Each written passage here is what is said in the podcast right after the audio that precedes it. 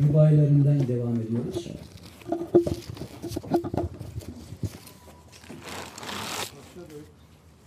İnci arıyorsan denizin derinliklerinde ara. Yoksa sığ kıyılarda köpükten başka bir şey bulamazsın. Bu yine sabah açtığımız sayfa. Devam ediyoruz. İkinci defa inci çıktı. İnci arıyorsan denizin derinliklerinde ara. Yoksa sığ kıyılarda köpükten başka bir şey bulamazsın. Buradaki denizin derinliği muhakkak ki korkusuzluğu ve sebat duygusunu bize verir. De, derinlikten insanlar korkarlar. Herkes değil. Bazıları. Derine dalmak sadece metreyle ölçülen bir şey değildir. Konunun üzerine durulan şeyin detaylarına, köklerine nüfuz etmek. Burada en önemli şey eskilerin tabiriyle sabit kadem olmak. Yani yılmamak, geri dönmemektir. Buna en güzel örneği Atatürk vermiştir. Bildiğiniz gibi Çanakkale Savaşları'nda teftişe giderken veya herhangi bir şekilde giderken askerlerin çekildiğini görür. Niye çekiliyorsunuz dediği zaman cephanemiz bitti derler. Süngünüz de mi yok? Süngü tak der ve asker döner ve zafer kazanılır. Bu o kadar önemli bir şeydir ki bu anlayış maalesef insanoğlu hem tembellikten hem cesaretsizlikten hem de improvize yeteneğinin zamanla bozulmasından, kaybolmasından bu özelliği kaybeder. Kaybediyor. Çare her zaman bulunur. Şimdi bir gün Avusturya'da yolda gidiyoruz. Arabayı süren de bizim bir arkadaş. Bir ara araba stop etti, durdu. İndi. Açtı kapağı. 2-3 yerine tak tak tak vurdu. Geldi, araba çalıştı. Dedim bu bana yabancı gelmiyor. Nereden öğrendin? Sizlerden öğrendim dedi. Gerçekten televizyonunuz bozulduğu zaman, radyonuz bozulduğu zaman götürün. Tamirci önce birkaç yerine vurur. Ondan sonra çalışır genelde.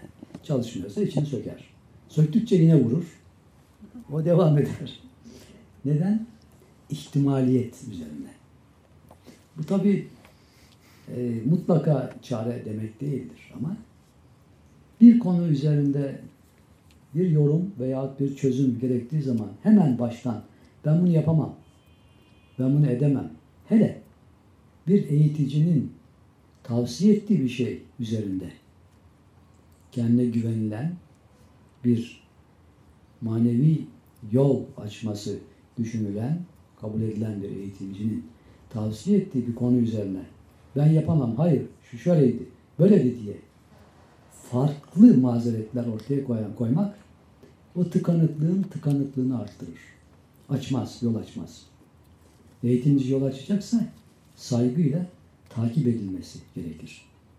İşte bunlar derinliktir. Yani burada Hazreti Mevlana'nın dediği derinliğin geniş açıklamasıdır.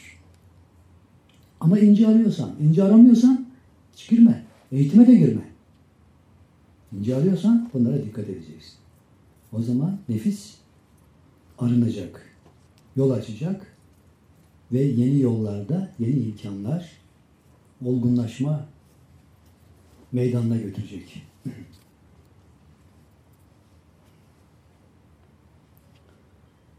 Canımın semender, ateş kurdu gibi bir sevgilisi var. Şimdi bu ateş kurdu veya semender denilen varlık mitolojilerde çok geçer. Bu ateşte yaşayan bir varlık olarak düşünülür. Yakın bir zamana kadar bu mitolojik bir varlık olarak kabul ediliyordu. Yakın bir zamanda ne bulundu biliyor musunuz? Gerçekten çok yüksek hararette ve çok düşük hararette karbon olmayan ortamlarda dahi yaşayan canlılar bulundu. Evet, hücre yapısında karbon olmayan canlılar bulundu. Il y avait une, deux papiers dans la voiture. Je l'ai laissé. Şimdi bunun size delilini sunacağız. Çok yüksek ısıda yani ateş gibi ve çok düşük ısıda. Yani şu var. Bizim zanlarımıza göre ve bilimsel olduğuna inandığımız kriterlere göre imkansız gibi görünen bir şey, birçok şey bugün imkan dahilinde. o zaman ne oluyor? Çok büyük bir hata ortaya çıkıyor. Eskilerin yaptığı çok büyük bir hata. Şu olamaz, şu olamaz diye reddedilen pek çok imkan. O reddedilme sebebiyle inkar edilen pek çok şey. Bugün doğruysa o inkarlar hatalıydı. O halde bilimin geldiği pek çok yerlere çok geç ulaşıldı. Bilim yobazlığı sebebiyle, bu sebeplerden. Burada maneviyatın ne kadar önemli olduğu bir kere daha anlaşılıyor. Su ayıcıkları bir hayvan türü, bir bakteri türü. Bilinen en dirençli organizmalardan biri. Bulunduğu ortam kuruduğunda durağan bir evreye giriyor ve uzun süre bu halde kalabiliyor.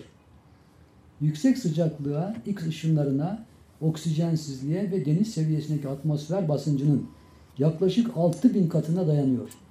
Suyla temas edince yeniden normal haline dönüyor. Altı bin kat. Evet. Kaynar kükürt havuzlarındaki balıklar, yüksek radyasyon altında ölüp sonra dirilen bakteriler, hayat kavramına yeni anlamlar getiren organizmalar.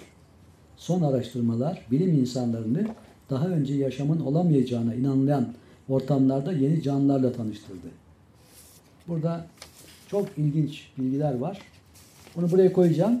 Arada isteyenler bunu inceleyebilirler. Şimdi bu bizi nereye götürür? Tasavvuf erbabının prensiplerinden biri her şey her şekilde her an olabilir tarzındadır. Bu yol açar. Olamaz, hayır düşüncesi tıkanıklığı ve hastalığı meydana getirir. Olabilirlik arttıkça, ihtimaliyet arttıkça insana verilen malzemenin kullanılma şansı artar. Şans arttıkça ne olur? Malzemeler arasındaki ilişkinin hemostasisi, denge oluşturma imkanı artar. Maksimum seviyeye yükselir. Hazreti Ali'nin bir sözünü hatırlayalım. Bana bir kelime öğretenin kolu kölesi olurum. Bu ne demektir? Şu biliniyor ki beyindeki hücre sayısına bir hücre ilave olsa, çalışan ilave olsa trilyonlarca katta imkan ortaya çıkıyor. O kadar büyük bir bilgi edinme şansı ve potansiyeli ortaya çıkıyor. Engram adı verilen hücreler arasındaki ilişkiler o büyük boyutta büyüyor. o boyutta büyüyünce ne oluyor? Kavrama, hayal kurma, fikir üretme, bilginin diğer bilgilerle entegrasyonu gibi çok büyük imkanlar ortaya çıkıyor. Sadece bir kelime bile böyle büyük olaylar yapıyorsa bir bir boyuttaki özellikleri taşıyan bir bilgi ne kadar büyük katkılarda bulunuyor. O bilgi hem kendi taşıdığı formasyon ve enerji ve imkan nispetinde etki ettiği gibi diğer bilgilerle entegrasyonun oluşturduğu vektör diyebileceğimiz yeni girişimler çok daha büyük bir potansiyel ortaya çıkarıyor. Burada şimdi semender kelimesi eskiden mitolojikti. Şimdi doğrusu var. Canımın semender gibi bir sevgilisi var. Onun ateşinde ne hoş barınır bu can diye sevgilisi var. Canımın semender gibi ateş kurdu gibi bir sevgilisi var. Onun ateşinde ne hoş barınır bu can. Yani burada dikkat edilse Hazreti Mevlana ateşten korkmama duygusunu da getiriyor. Onda da güzel bir taraf olduğunu bize gösteriyor.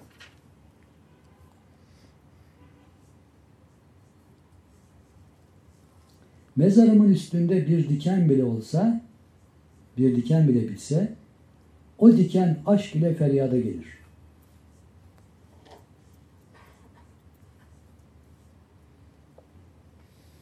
O yüzü kapalı güzel salınmaya başlayınca her kapalı gömleği yırtar.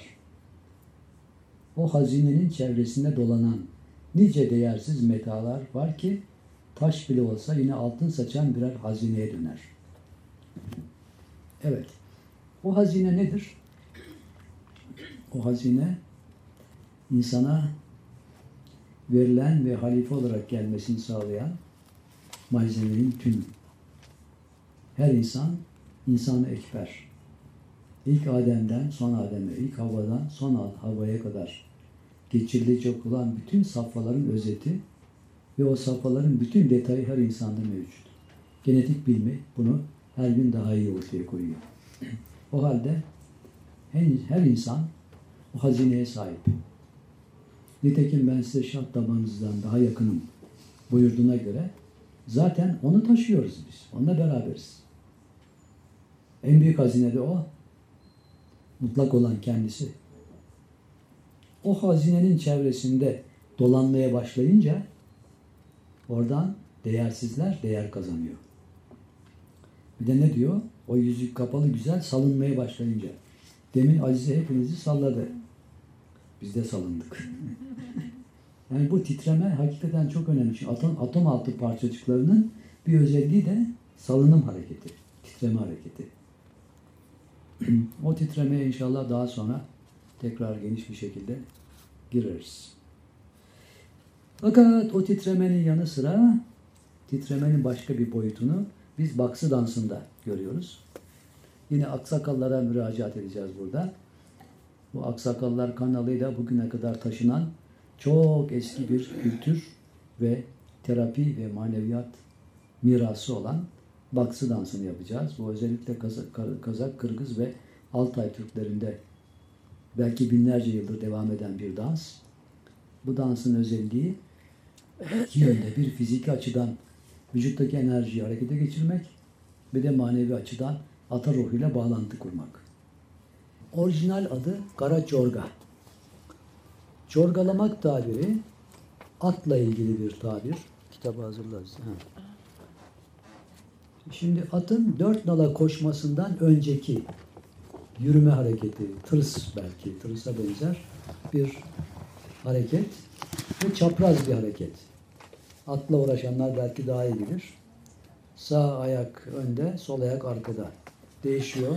Sol önde, sağ arkada gibi bir hareketten oluşan bir yürüyüş, hızlı yürüyüş şekli. Corgalama tabir ediliyor. Je veux dire une chose pour cette position. Un cheval prend une position sur la terre seulement s'il sentit très sécure. Eğer bir at kendini emniyette hissederse bu şekilde pozisyon alıyor. Et il prend cette position avec une grande confidence dans son corps. Ve bu hareketle kendi vücuduyla bir emniyet duygusu içinde oluyor. Hem etrafından hem kendi vücudundan bir emniyet duygusu. si quelque dangereux chose viennent, il doit sortir très vite. Eğer bu pozisyonda ayağa kalkma şansı da çok yüksek. Herhangi bir tehlike anında çok süratli bir şekilde ayağa kalkabiliyor. Et c'est la même chose que je dis avant avec le danse, qu'on doit avoir une confidence à son corps. Danstan önce de açıklamıştım. Önce kendi vücuduna yönelik bir güven duygusu çok önemli. Et aussi confidence à la terre parce que la terre porte nous. Yere karşı da bir güven duygusu lazım çünkü yer bizi taşıyor. Evet. Şimdi diğer bir adı baksı dansı. Baksı bu Kazak, Kırgız ve Altay Türklerinde gören, bakan anlamında. Bahşı da deniyor. Yani duru görü medyumluğu gibi diğer insanların fazla sezemeyecekleri, sezmedikleri şeyleri sezen, ata ruhuyla bağlantı kuran, problem çözen, hastaya şifa veren e, kişi anlamında. Şimdi Asya Türkleri genelde şaman kelimesini sevmezler. Çünkü şaman kelimesinin büyüyle alakalı olduğunu düşünürler. Burada büyüden ziyade ata ruhuyla bağlantı kurma, egal ve legal bir düşünce hakimdir. Ve yine sadece improvize bölümü hariç diğer bölümlerde ayaklar çapraz olur. Değişir ama pasif değildir. Yani çok aktif değildir. Kollar daha aktiftir. Bu şekilde başlanır. Ata ruhuyla bir bağlantı kurma çabası olur. Hazreti Peygamberimiz miraca Burak adı verilen bir vasıtayla çıktı. Bu vasıtanın ata benzediği, attan biraz küçük olduğu söylenir. Beyaz renkli olduğu söylenir. At hakkında bir hadis var. Rivayet edildiğine göre Hazreti Peygamber kıyamete kadar atın gözünde hayır vardır diye bir söz söylemiş. Orta Asya kavimlerinden Sogtlar vardır. Sogt diye geçer. Çok eski bir belgeselde onu izlemiştim. O Sogt kültürüne göre yapılmış bazı duvar resimlerinde uzun boyunlu atlar var. Rivayete göre bu atlar uçan atmış. Ayrıca Kırgız Türklerinin Hakan'ı Manas'ı anlatan Manas destanında Manas'ın hanımı Kanikey Manas ve ordusunun zorlu bir durumunda, güç bir durumunda ona bir uçan at gönderir. O ata binerek Manas o kuşatmayı yarar. Böyle bir rivayet vardır. Tabi böyle bir şeyin olup olmadığını tartışmak mümkün ama biz hani baştan bir şey söyledik. Biz işin olabilirlik tarafındayız. Olabilirlik tarafında olduğumuzda ya doğruysa bir şey kaybetmiyoruz. Doğruysa. Ama olamaz tarafındaysak ya doğruysa çok şey kaybediyoruz. Onun için olabilirlik tarafında olacağız. Bu hareketlerin bir anlamı da vücuttaki tıkanıklıkları aşma yönünde bir yön verme tarzındadır. Böyle. Dans le Bédouin, il y a une parole. Ha, Euh, dans le Sahara, j'ai écouté. Bedevilerde bir söz varmış. Euh, Allah a pris une main pleine avec air. Allah bir eline sud, sud vent. bir eline güney rüzgarını almış, doldurmuş Et il a fait ve üflemiş et il a dit tu seras cheval. Ve ona emir vermiş. Sen at ol diye ve at böyle olmuş. Evet. Bedevilerin ifadesi bu yönde. Et je crois pour cette danse, cette danse peut réveiller dans nous euh, plusieurs caractéristiques que nous avons aussi ensemble avec le cheval. Ee, bizim atlarla ilgili bir takım bağlantılarımız vardır. Ve bu dans bu bağlantıları uyarmaya sebep olur diye söylüyor Hazreti.